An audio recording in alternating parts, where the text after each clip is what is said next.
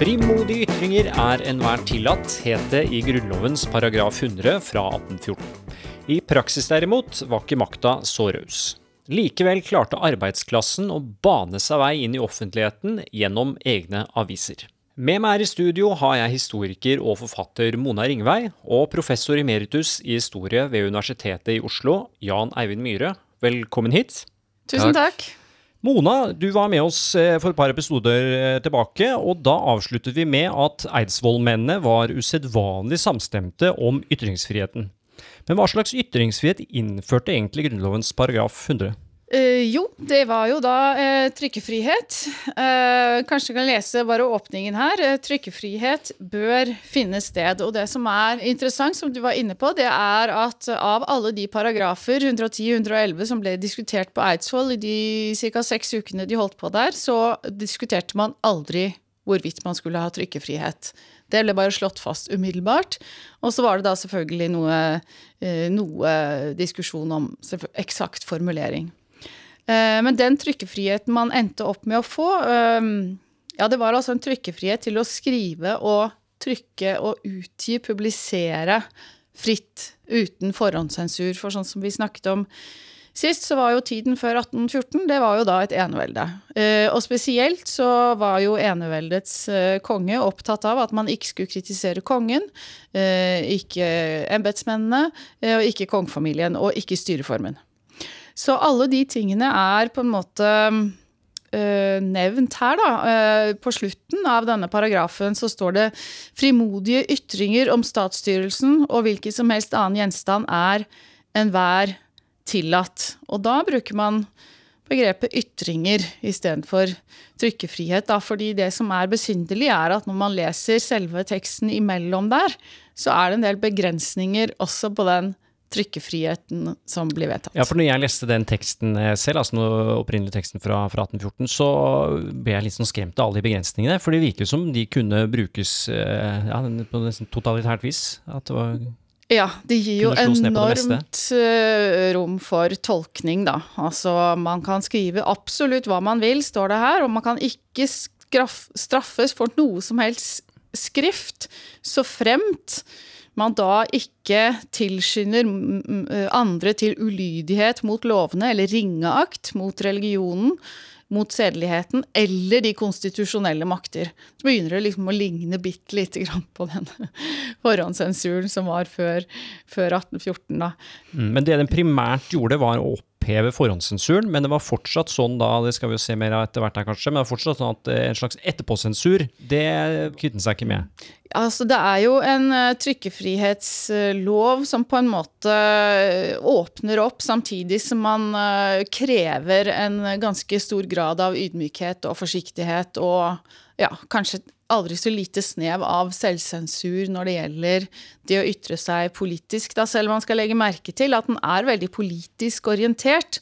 Altså dette her med å trykke Alle de tingene den nevner, handler jo nettopp om det å skrive og tenke og diskutere høyt i offentligheten om politikk. Mm. Jan Eivind? Nå må det jo sies også at i praksis så ble det jo sagt og skrevet mye politisk opposisjonelt, ikke minst i 1830-årene, uten at det ble slått veldig ned på. Det myndigheten hadde til rådighet, og som de brukte, det var eh, å bruke denne ærekrenkende beskyldninger fordi de opposisjonelle organene i 1830-årene, altså dette, denne avisen som het Statsborgeren, f.eks., eh, og som kastet mye skitt, særlig mot embetsmenn, da kom dette med ærekrenkende beskyldninger inn. Så de blir dømt for ærekrenkende beskyldninger. Uh, Peder Solvold, også kalt Sølevold, som, som, som, skrev dette. Et annet middel som staten hadde, var jo å ta fra uh, portoreduksjonen. Man hadde en ideologi at, at presse skulle ut til folk, men eh, det ville bli for dyrt hvis man måtte betale porto. Så man, man tok bort denne portoreduksjonen for, for å, å, å, ramme eh, skribentene og utgiverne. I Grunnloven i dag så har vi forsamlingsfrihet. Men det var ikke nedfelt i den opprinnelige Grunnloven? Nei, altså Jeg tror ikke man eh, tenkte riktig på den måten. Altså, Man kan jo se dette i lys av eh, den såkalte konvertikkelplakaten, som fra 1742, som gjaldt begrensninger av religionsutøvelsen. At den var, den var begrenset til å finne sted med prester fra statskirken. Eh, naturligvis. Men, men, jeg tror ikke rett og slett man tenkte på det. Og forsamlingsfrihet var det jo altså i, i praksis. Det å f.eks. å gå i protesttog, da. Hvordan så man på det? Jeg veit det var rundt 1814, både før og rett etterpå, så var det en del sånn bondetog og sånn som ble slått ganske hardt ned på. Ja, disse bondetogene som, som ble slått ned på, og folk, noen ble arrestert, det kommer nok under dette med ulydighet mot de konstitusjonelle makter. Ikke sant? Og, og, og det var jo disse som ble brukt noen ganger eh, fram til og med tranebevegelsen, som jo er det mest eklatante eksempel på, på, på, på bruken her. Det var jo ikke bare eh, paragraf 100 eh, de ble eh, dømt eh, om i det hele tatt. Men det er også typisk at det er på en måte endepunktet for bruken av, av dette mot, mot, det skrevne ord, altså mot det politiske. Eh, i, i, i, paragraf 100. Etter 1850-årene så er det sedelighet, ringeakt mot eh, religionen eller konstitusjonelle makter. Altså de måtte for all del ikke fornærme kongen, av, kongen eller, eller tsaren av Russland eller noe sånt noe, for da kom Norge i trøbbel, ikke sant. Altså den, og litt sedelighet. Men det er ikke veldig mye. Og det er på slutten av det annen halvdel av 1800-tallet. Men eh, altså, de tidligste bevegelsene så har det jo Hans Nilsen Hauge og haugianerne. Og han kom jo stadig i trøbbel for brudd på denne konventikkelplakaten som du nevnte i sted. Eh, hvem var Hauge, og hva sto han for? han var jo først og fremst religiøst opptatt.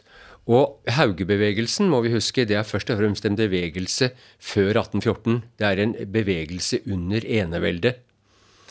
Eh, og, og konvertikkplakaten som jeg var inne på, er altså en bestemmelse fra langt tilbake på 1700-tallet som sier det at uh, statskirkeprester har enerett på å, å preke i forsamlinger, på å lede religiøse forsamlinger. Når Hauge uh, protesterer mot det, så er det slik at han mener at datidens prester var blitt for sekulære. De var blitt litt for lite opptatt av den egentlig inderlige, personlige kristendom. Så han går da til felts mot dem og etablerer vennesamfunn, reiser rundt om i landet, skriver bøker øh, og får en gigantisk tilhørerskare.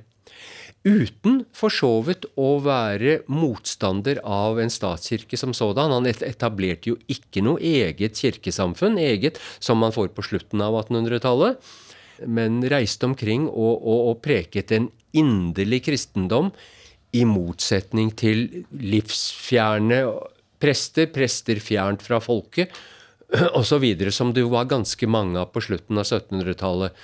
Men dette er altså en før 1814-bevegelse, først og fremst. Etter 1814 var vel ikke Hauge mer i fengsel, tror jeg. Han døde jo nokså kort etter, i 1824. Men de lykkes jo da, det er vel i 1842, eller hvor de lykkes å få denne konventikkplakaten opphevet, stemmer ikke det? Ja, det, dette er jo en del av den gradvise liberaliseringen du får i Norge etter 1814. Eh, og det er slik at Grunnloven kan nok være streng på noen områder, ikke sant? men den åpner for veldig mye. Også ytringsfrihet når du kommer så langt, men næringsfrihet eh, og, og alle typer slags frihet. Og som en del av den bølgen ble jo plakaten opphevet i, i uh, 1842 uh, i en bølge av religionsliberalisme, hvor også dissenterloven av 1845 hørte, hvor man kunne etablere menigheter også utenfor lutherdommen. Katolikker, uh, baptister, metodister, hva det nå er. Og til slutt da til opphevelsen av jødeparagrafen i 1851. Ja, Religiøse møter og religiøse dissentere de eh, ble tillatt fra 1840 av, men hvordan var det på det politiske plan? Eh, og Mona, du har jo skrevet bok om eh, ja, kanskje den viktigste politiske bevegelsen på 1800-tallet, nemlig Markus Trane, som vi har nevnt her allerede. Hvem var Markus Trane, og hva sto han for? Altså Markus Trane han startet i 1848 uh, arbeiderforeninger. Um, og disse arbeiderforeningene de var ment å uh, myndiggjøre de eiendomsløse til å tilta seg større makt i, uh, i Norge. Fordi Markus Trane mente at Grunnloven lovet en demokratisk forfatning som ikke var virkeliggjort. Eh, og faktisk så så han to, eh, to elementer i Grunnloven til støtte for dette. Og det ene argumentet har jeg vært inne på, og det er ikke helt gyldig, for han mente at Grunnloven sikret forsamlingsfrihet. Hvilket jo ikke egentlig står i Grunnloven. Men eh, den andre tingen, der var han på trygg grunn, eller in the end så skulle vise seg at det ikke var så trygg grunn, men prinsipielt, og det var ytringsfrihet. Han mente at ytringsfriheten var en demokratisk frihet, en frihet til å snakke politikk, til å rådgi politikere, til å la de som har skoen eh, på, fortelle hvor det trykker. Og i og med at embetsmennene eh, på en måte eh, okkuperte hele politiske systemet, og de eiendomsløse ikke hadde noen plass der, ikke ved stemmerett, og så mente han jo også at deres ytringsfrihet, som egentlig var grunnlovsfestet, i praksis ikke ble fulgt opp, fordi hvis vanlige folk skrev inn til de avisene som fantes, så ble de som, som regel refusert. Da hevdet Markus Trane og en del av de som etter hvert skrev i hans avis, Arbeiderforeningenes Blad. Ja, Han eh, oppretta vel egen avis sammen med kona si Josefine. Eh, hvorfor tok de seg dette bryet? Var det det at eh, de ikke ble hørt i mainstream media som var eh, problemet? Eh, ja, de mente at de ikke ble hørt. Det var jo en tid hvor det hadde vært altså 1840-tallet hadde vært en del dårlige år. så vært litt økning i sult og nød tvangsauksjoner, eh, fattige husmenn som blir kastet ut fra brukene sine. Og det var jo spesielt husmennene egentlig eh, arbeiderforeningene var opptatt av, fordi de var eiendomsløse og per definisjon ikke hadde noen politisk stemmerett, men eh, de var også umyndiggjort ved det at de, eh, de hadde veldig lite de skulle ha sagt overfor den bonden som uh, brukte deres arbeidskraft. Det at de f.eks. kunne kastes ut på dagen. Så det var triste og traurige historier som ble fortalt over hele landet om hvordan husmenn systematisk ble dårlig behandlet, og de hadde på en måte ingen steder å gå med sin klage, sin livserfaring, sine uh, synspunkter. Fordi Markus Trane var veldig opptatt av at det langsiktige målet til arbeiderforeningene, det var å, å jobbe for allmenn stemmerett for menn. Han var ikke så opptatt av eh, stemmerett for kvinner. Hvis kvinner ville ha stemmerett, så, så fikk de jobbe for det sjøl. Det fikk kona ta seg, ja. Ja, da får de for all del. Uh, men det var ikke det de holdt på med. De ønsket allmenn stemmerett for menn på sikt. Men uh, Markus Strand var også veldig opptatt av at for å kunne ha stemmerett, så måtte du også være opplyst. Så han var veldig opptatt av at arbeiderklassen, eller husmannsklassen, de måtte danne seg selv til borgere. Og derfor så var jo veldig mye også av ja, det var opplysningsvirksomhet i bladet, ved at man f.eks. skrev skrev om historiske emner, politiske emner, om lovene osv. Men i tillegg så opprettet man jo alle disse små foreningene som drev med praktisk arbeid, hvor man leste aviser høyt. og man hadde lesesirkler osv. Så, videre. Så det var et uh, opplysningsprosjekt hvor man måtte danne seg selv til borger. Fordi man kunne ikke bare uh, håpe på å få en stemmerett og ikke gidde å følge med på politikk. Eh, Jan Eivind, 1848 er jo et kjent revolusjonsår i europeisk historie. Karl Marx lanserer sitt kommunistiske manifest, og det er et stort fokus på arbeiderklassen. Hvordan var arbeiderklassen i Norge anno 1848? Ja, Man snakket for det ene om, om, arbeidsklassen, og ikke arbeiderklassen, som er et senere uttrykk og som knytter seg til den organiserte arbeiderbevegelsen. Men nei, det, jeg tror det beste uttrykket uh, for det er å si at det er de eiendomsløse. det er eiendomsløse på by og land. Ikke sant? Det er husmenn og lignende grupper på landet. Og, og, og, arbeidere i byene. Var det ikke så mange industriarbeidere på 1840-årene. De var så vidt begynt å komme. Men det fantes mye dagarbeidere. Det har man bruk for i, i, de små bysamfunnene som fantes i Norge. Og de eide sjelden sine hus. Noen få gjorde det, og de fikk faktisk stemmerett, men det var veldig få. Men, men, disse kunne lese. Hvordan var det med lese- og skriveferdigheter i Norge på den tiden sammenlignet med andre, andre land? Det er et veldig godt spørsmål. Allerede rundt 1800 regner man at flertallet av den norske befolkningen over en viss alder kan lese. Atskillig færre kunne skrive, og vi ser det på den petisjonen som eh, tranitterne sendte til, til Stortinget og kongen, at mange skrev med påholden penn. Så, så, men lesekyndigheten var nok bedre. Og internasjonalt sett er de skandinaviske land helt i toppen i lesekyndighet. Mm, I eh, arbeiderforeningene så, så, var det også et mål å um, vedlikeholde den lesekunnskapen, fordi de fleste uh, hadde jo lest til konfirmasjon. Um, og så var det det å holde disse leseferdighetene ved like. Og det var jo kommentarer etter at foreningen hadde holdt på en stund, hvor folk var imponert over hvor eh, gode disse eh, medlemmene i Arbeiderforeningen hadde blitt til å lese avis, og hadde liksom hentet opp sine uh, lesekunnskaper fra konfirmasjonen og sånt, og kunne lese nå med større flyt, da. Det var jo skoleplikt og rett i eh, Norge-Danmark allerede fra 1739, som hang sammen med, med, obligatorisk konfirmasjon som innføres samtidig. Hadde vært konfirmasjon før det, men da blir den iallfall obligatorisk for alle. Og det er veldig interessant at dette med norsk eh, lese- og skrivekyndighet knyttet til religionen, for dette er jo lutheranismen, ikke sant? Folk skulle kunne lese Bibelen på sitt morsmål katolske land var Bibelen på, på latin. Og det har jo brakt de protestantiske land et voldsomt forsprang. Ja. Eh, ikke bare lesing og skriving, men det som følger av lesing og skriving.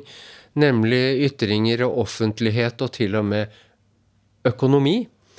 Og da kan jeg også nevne at en av de tingene som eh, Hans Linsen Hauge er kjent for, var ikke bare hans forkynnelse, men det at eh, det var det praktiske arbeidet altså Han startet jo utrolig mange, mange næringsvirksomhet.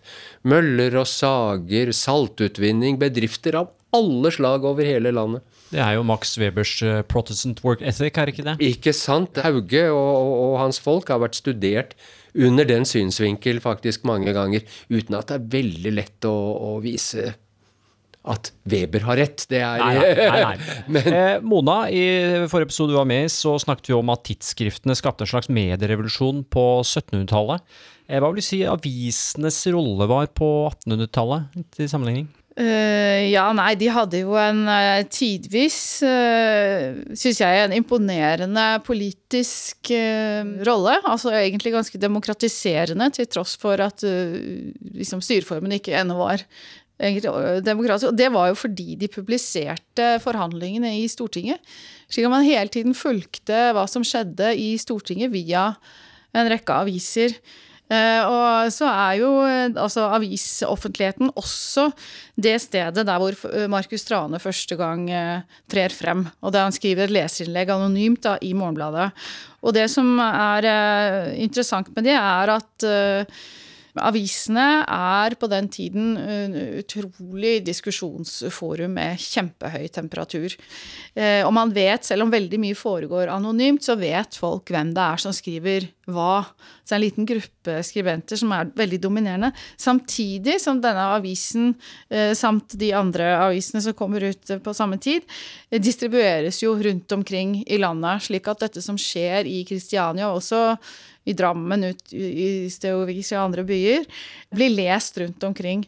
Slik at da Markus Trane skriver inn til Morgenbladet, da, så er det under uh, den anonyme tittelen 'En stemme fra landet'. Og da er det faktisk slik at uh, disse folka i Kristiania, de gjetter i vilden sky hvem er dette.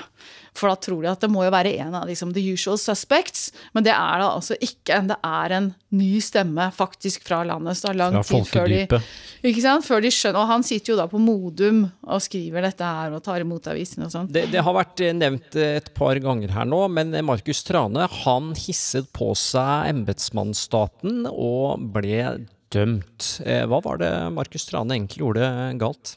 Ja, eh, veldig godt spørsmål. Det raske svaret som, som jeg har gitt, da, men det ligger en helt resonnement bak det, så ble han dømt for å ha startet demokratiske foreninger. Men hvis vi går til denne ytringsfrihetsparagrafen, så ble han for så vidt dømt for å ha eh, brutt den. Altså, for det står jo her at eh, at det er forbudt å tilskynde andre til ulydighet mot lovene. Ja. Eh, å oppfordre til opprør er jo den paragrafen i kriminalloven som han da ble dømt for. For da hadde han gått rundt og prøvd å få, få samlet støtte for å utvide stemmeretten. Ja. Og da ble han dømt for å prøve å undergrave sittende myndighet eller noe sånt? Var det det som ja, var eller hele statsforfatningen. Da? Han ble Ja, dømt ja. for å forsøke å endre statsforfatningen med ulovlige midler. Det er tillatt å forsøke å hva da? Å forsøke å endre statsforfatningen med lovlige midler, men ikke med ulovlige midler, altså opprør. Og det som skjedde etter at disse foreningene hadde holdt på i to år da, med, med å skrive avis og med å argumentere for eh, stemmerett for menn, og ved å be kongen om å gjøre noe for husmannsklassen, eh, ved å endre mm, rettssystemet og en del økonomiske reformer og sånn. Nå er jo reformvirksomhet de ønsket eh, også. Pluss å ha denne ja, opplysningsaktiviteten. Da. De holdt på med dette i to år. De fikk jo enormt mange medlemmer. 30 000 på, på det meste. Og det var like mange som hadde stemmerett ved stortingsvalget i, eh, i 1850. Så det var en slags sånn skyggedemokrati, da. Disse stemmeløse drev og politiserte på egen hånd. Eh, og det var hele tiden eh, under kritisk overvåkning fra myndighetene, som ventet at disse skulle gjøre noe galt, bryte lovene. Derfor var det alltid veldig viktig for Markus Trane å argumentere for at vi går lovlighetens vei. Vi ønsker å endre forfatningen, men det skal være på lovlig vis. Det var ikke noe væpna revolusjon, det var Uh... Nei, og det var helt eksplisitt fordi Ja. man forholdt seg til revolusjonene i 1848. mm. Uh, og, og det måtte man for guds skyld ikke, eh, ikke sant, etterape. Eh, men man skulle ønske reformer, og be om reformer. Det var ikke vellykket, det fikk de ikke. Kongen sa nei. De har sendt jo en petisjon til kongen, faktisk, og så jobbet de opp mot Stortinget. Eh, Men fikk ikke så mye gjennomslag. Og så ble de litt desperate, så de holdt et møte samtidig som Stortinget satt samlet i Kristiania i 1851. Og på dette møtet så hadde de en diskusjon om hvordan er egentlig stemningen rundt i landet. Og så trådte den ene representanten etter den andre frem og sa ja, nei, oppe i, hos oss så er det dystre er helt revolusjonære tendenser. Og nei, hos oss er det fint, alle er for at vi skal jobbe på lovlighetens vei. Eh, Og dette ble til et rykte om at de hadde vedtatt revolusjon. Og hvis du har vedtatt revolusjon, så har du vedtatt å endre statsforfatningen med ulovlige midler. Ja, nettopp, ja. Men så er det masse trøbbel med den eh, dommen, fordi Markus Strane var ikke til stede. Hvor var han? Eh, Han var hjemme hos eh, kona si, tror jeg. Hun var eh, syk. Ellers var han syk. Jeg husker ikke helt. Og de hadde nettopp mistet en sønn. Og det var egentlig veldig sånn traurige tider for Markus Trane på sånn privat og sånt. Og han var også liksom skjøvet litt til side i Arbeiderforeningen på det tidspunktet. Så han var ikke til stede akkurat på det møtet. Han blir dømt til fengsel og satt i fengsel. Ja, han eh, satt i varetekt i fire år. Så ble han dømt eh, til eh, åtte års fengsel, og han da sonet i sju da, fordi han eh, satt litt på det nye botsfengselet, hvor man fikk kortet ned. Så han satt syv år i fengsel, og deretter emigrerte han til eh, Amerika. Det var lov å opponere, men ikke å gjøre opprør. ikke sant? Det er, det er, det er eh, bunnlinjen. Og, og ikke sant, denne lista over krav fra, uh, fra Tranebevegelsen er jo ikke eh, ulovlig i seg selv i det hele tatt. Å ønske stemmerett for alle menn, ønske bedre skolevesen, uh, bedre husmennenes kår og forskjellige økonomiske krav også, det, det jo, var i seg selv ikke ulovlig. Men myndighetene følte det som en veldig trussel og lette kanskje etter noe de kunne ta ham på, og da kommer dette såkalte revolusjonsvedtaket, som antagelig ikke var det. Samtidig så er jo tranbevegelsen av den siste krampetrekning av det helt autoritære. Ja, det, det, er en fin utvikling. Eh, men en annen utvikling som skjer mot eh, slutten av 1800-tallet, er jo det som har blitt kalt for organisasjonsbølgen. Hva var det for noe, egentlig? Ja, det, det starter jo mye før. Altså den store organisasjonsbølgen begynner på 18, omkring 1840. Da kommer en, en, en flom eh, av organisasjoner som bare kommer, altså som bare kommer mer og mer på. Og jeg vil tippe, uten at jeg vet det sikkert, at Norge omkring århundreskiftet 1900 er verdens best frivillig organiserte samfunn. Det er vist for etterkrigstiden i Norge at det var det, men jeg vil nesten tippe, uten at jeg vet det, at det også var det den gang. Det er utrolig mange, utrolig mange slag organisasjoner. Hva slags type organisasjoner var dette? Ja, Det kommer økonomiske organisasjoner, altså, altså ulike yrker organiserer seg, ikke sant. Det er, det er veldig vanlig. Eh, så er det målbevegelsen, eh, avholdsbevegelsen og lekmannkristendommen, misjon bl.a., som er som er de erketypiske motkulturelle eh, fenomener. Men også, også, sport kommer jo etter hvert. ikke sant? Musikkforeninger. Altså på alle livets områder. De som kommer sist, antagelig med unntak av Trane, er jo politiske foreninger. Nå var Trane mer enn en politisk forening. De drev jo masse med kultur og, og sånne ting. Og den organiserte arbeiderbevegelse kommer jo ellers mye seinere, men, men, men, men, er jo en del av den store organisasjonsbevegelsen. Altså Jeg har sett i en liten en kommune som heter Løten på 1800-tallet, på Hedmarken. Så var det over 100 organisasjoner stiftet i annen halvdel av 1800-tallet. Er det der akevitten er fra? Det er da akevitten er fra. Ja, eh, Mona? Altså Dette med at politiske øh, foreninger kommer sent, det tenker jeg har litt med um, arbeiderforeningenes skjebne å gjøre. Fordi sånn som man kan få inntrykk av når man leser den sak, saks, sakens utvikling i Arbeiderforeningen, så var det nettopp det at de diskuterte politikk som var problematisk. Uh, og etter at myndighetene slo ned på foreningene, Eh, og de tilbød jo også en form for slags amnesti, kan man kalle det, da, til alle medlemmer som på en måte meldte seg ut eh, da Markus Trane og disse andre ble arrestert. Så skulle myndighetene aldri registrere at de noensinne hadde vært medlem. Slik at man kunne på en måte viske ut at de i det hele tatt hadde vært der. Man kunne på en måte forandre historien. Og det som er interessant, er jo at etter at Arbeiderforeningen da var slått ned og medlemmer fengslet og emigrert, så var det jo ingen Så, det, eh, så initierte myndighetene selv såkalte arbeidersamfunn. Og de var skåret over så å si samme lest som arbeiderforeningene, bortsett fra én ting. De diskuterte ikke politikk. Men bortsett fra det så drev de med de samme tingene, som f.eks. at man lagde sparekasser, enkekasser, sykekasser, slike ting. Man drev opplysning, leste religiøse tekster, da.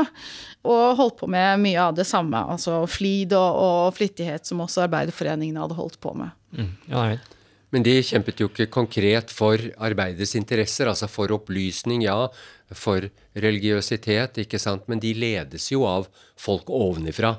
Ja. Disse arbeid, altså arbeidersamfunnene, ikke sant. Absolutt. Så det, sånn sett er de veldig forskjellige.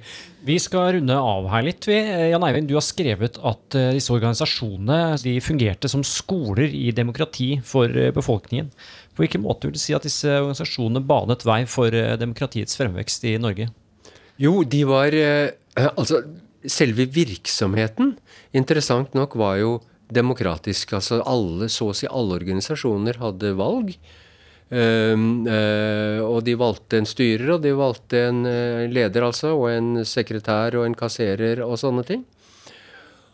Og ting kunne gå på omgang når det gjaldt å, å, føre protokoll ved møter og sånne ting. Så da lærte man bedre å lese og skrive, og kassereren måtte nødvendigvis kunne regne. Eh, så sånn sett blir det en slags skole i demokrati. Og så kunne man oppnå selvtillit, og så kunne man gå videre til politikken om man, man, ønsket det. Man ser jo også at av de kjente politikerne så har veldig mange del av dette organisasjonslivet. Noen organisasjoner slapp også ganske tidlig til uh, kvinner for øvrig. Også i posisjoner. Mm. Mona, hva er arven etter eh, tranbevegelsen? Eh, nei, det er et veldig vanskelig spørsmål. Samtidig så er det jo også de som eh, bare konkluderer helt enkelt med at det Markus Trane kjempet for, det var jo det sosialdemokratiet vi har i dag. Man kan si, hvis man setter det på spissen, da, så, så oppnådde de det de ønsket, bare ikke sin egen levetid, og at de ikke skulle få æren for det. Ja, nei, for, Det han fremsatte i 1848 med allmenn stemmerett for menn, det fikk han kom, fikk jo da i 1898. Mm. 50 år etterpå. Ja, så det tok jo litt tid, da. Men det var jo som sagt veldig mange som støttet eh, arbeiderforeningene i sak, også på Stortinget, altså til og med i regjeringen. Eh, så jeg tror jo at eh, en av de tingene som forundret meg da jeg jobbet med dette stoffet, det var jo det liksom, å, finne svaret på hvorfor gikk det så galt. Og på den ene siden så er det riktig som Jan Eivind var inne på her, at det var en slags autoritær krampetrekning. Det var det. Men samtidig så var det også noe tilfeldig over det. Altså handlet noe perso om personligheter og hvem som satt her, og hvem som hadde makt der. Og når man ser på også rett, altså protokollene fra høyesterettssaken, ikke så ser man tvil. Man ser at det kan vippe litt. ikke sant, Man ser at det kunne også ha gått annerledes. Han hadde den beste forsvareren i hele landet. Altså, eh, det var litt sånn på bristepunktet. Det kunne faktisk også ha båret der og da. Men hvis Men, han ikke hadde blitt dømt, tror du de hadde fått allmenn stemmerett eh, for menn tidligere i Norge enn 1898? Nei, ikke noe særlig. Og det Litt, kanskje. Jeg vet ikke. Men, men eh, altså både Markus Trane og alle andre visste at det var et langsiktig mål. Og de visste jo at man måtte jo gjennom tre storting og ja. ja at det var, og det, En grunnlovsendring er noe annet enn disse andre lovendringene. Mm jeg kan, eh, Et litt sånn eh, oppsummerende avslutningsspørsmål. Altså I 1814 så het det at eh, trykkefrihet og frimodige ytringer burde finne sted. Ble den intensjonen oppfylt i løpet av 1800-tallet? I løpet av 1800-tallet vil jeg si ja. At det er nokså få begrensninger og, vel, og få dommer etter tranebevegelsen. Mona Ringvei, Jan Eivind Myhre, tusen takk skal dere ha. Takk. Selv takk. Du lyttet til serien Medienes stemmer og maktens sensur, produsert av Norgeshistorie ved Universitetet i Oslo. Mitt navn er Anders Brenna, og ansvarlig for denne serien er Ellen Katrine Lund.